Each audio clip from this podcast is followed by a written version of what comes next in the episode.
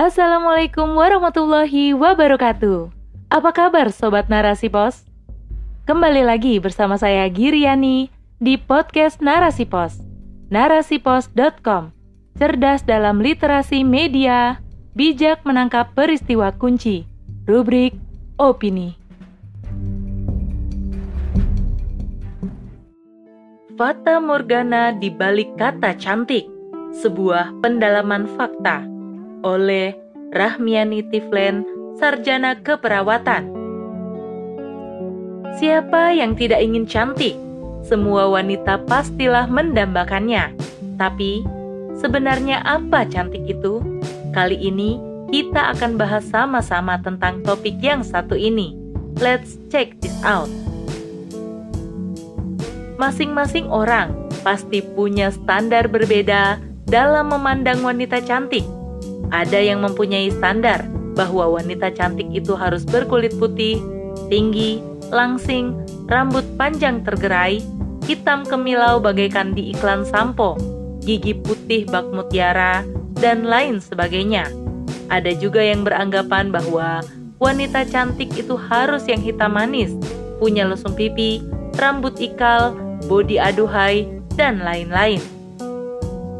Standar kecantikan yang diciptakan pun berbeda-beda antara adat kebiasaan di suatu tempat dengan yang lainnya.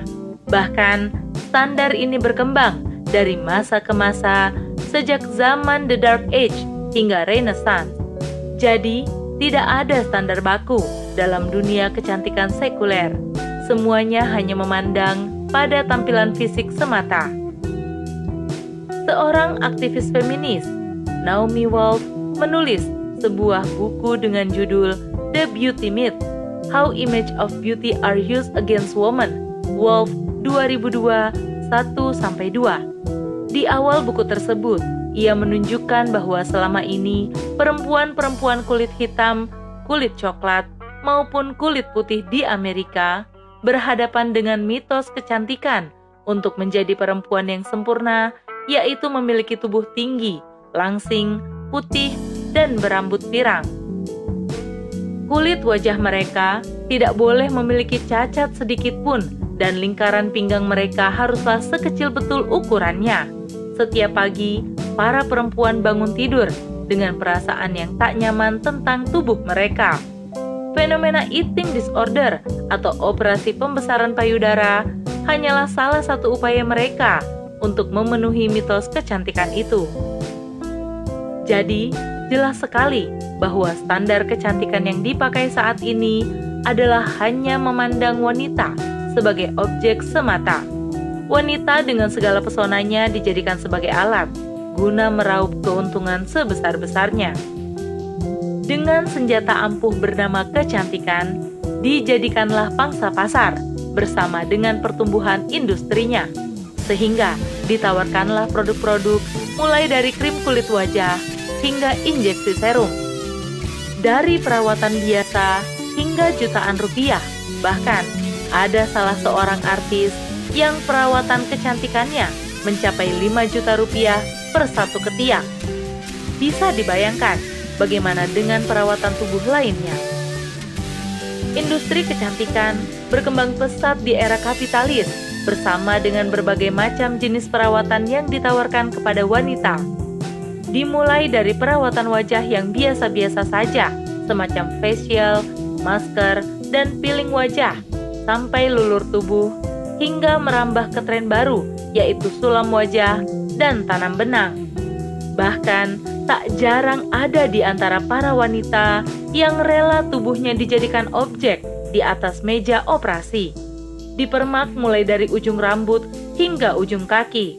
Padahal tak sedikit di antara wanita-wanita itu yang meregang nyawa di atas meja operasi.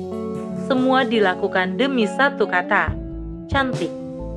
Di sisi lain, agar terus bisa eksis, seorang perempuan dituntut untuk bisa stylish.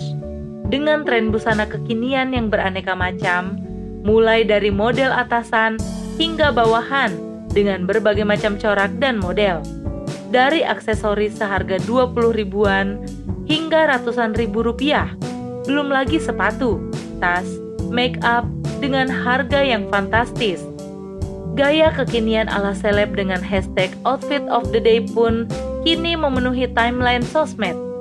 Lagi-lagi, demi eksistensi dan kepuasan batin. Sedangkan para wanita muslimah sedikit banyak telah mengikuti arus pemikiran ala barat ini. Mereka bahkan lebih memilih mengubah apa-apa yang telah menjadi ketentuan Allah, seperti misal mengubah bentuk hidung, bibir, dan mata lewat operasi. Padahal itu semua adalah kodo yang tidak akan dimintai pertanggungjawaban dibanding dengan perkara-perkara yang kelak akan ditanyakan oleh Allah, seperti amal perbuatannya di dunia. Sungguh berbeda dengan muslimah pada masa kejayaan Islam. Tidak ada di antara mereka yang sibuk melakukan sesuatu yang sia-sia, sebab mereka tahu apa tujuan hidupnya dan perkara apa saja yang wajib, mandub, mubah, makruh, maupun haram bagi diri mereka. Duhai saudariku muslimah, mari kita dengarkan sebuah kisah terindah yang pernah ada di jagat raya ini. Kisah termanis yang pernah ditorehkan sepanjang perjalanan zaman.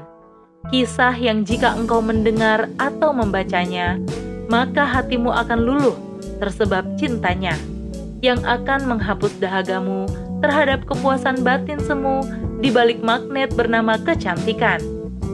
Bahwa Islam datang membawa sebuah perubahan, memuliakan wanita muslimah, meletakkan mereka bak intan permata yang disimpan di dalam kotak nan indah agar tak dijamah tangan-tangan jahil.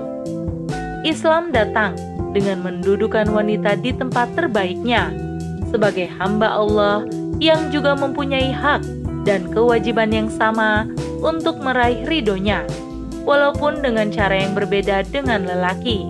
Tidak memandang wanita hanya berdasarkan fisik semata, karena bagi syariat mulia ini, semua wanita adalah permata. Apatah lagi jika ia seorang muslimah. Kepuasan batinnya bukan terletak pada kecantikan fisik semata, tetapi pada ridho ilahi. Sebab bagi seorang muslimah, kecantikan adalah ibadah dan ketundukan yang hanya akan dipersembahkan bagi kekasih halalnya, yaitu suaminya. Kecantikan adalah menjaga diri dan kehormatannya dengan senantiasa berhijab serta patuh dan taat kepada ayahanda jika ia belum menikah dan suami serta menjalankan segala perintah Allah Ta'ala. Sesungguhnya, Allah tidak melihat kepada bentuk, rupa, dan harta benda kalian, tetapi Allah memperhatikan hati dan amal-amal kalian. Hadis riwayat Muslim. Wallahu a'lam bishawab.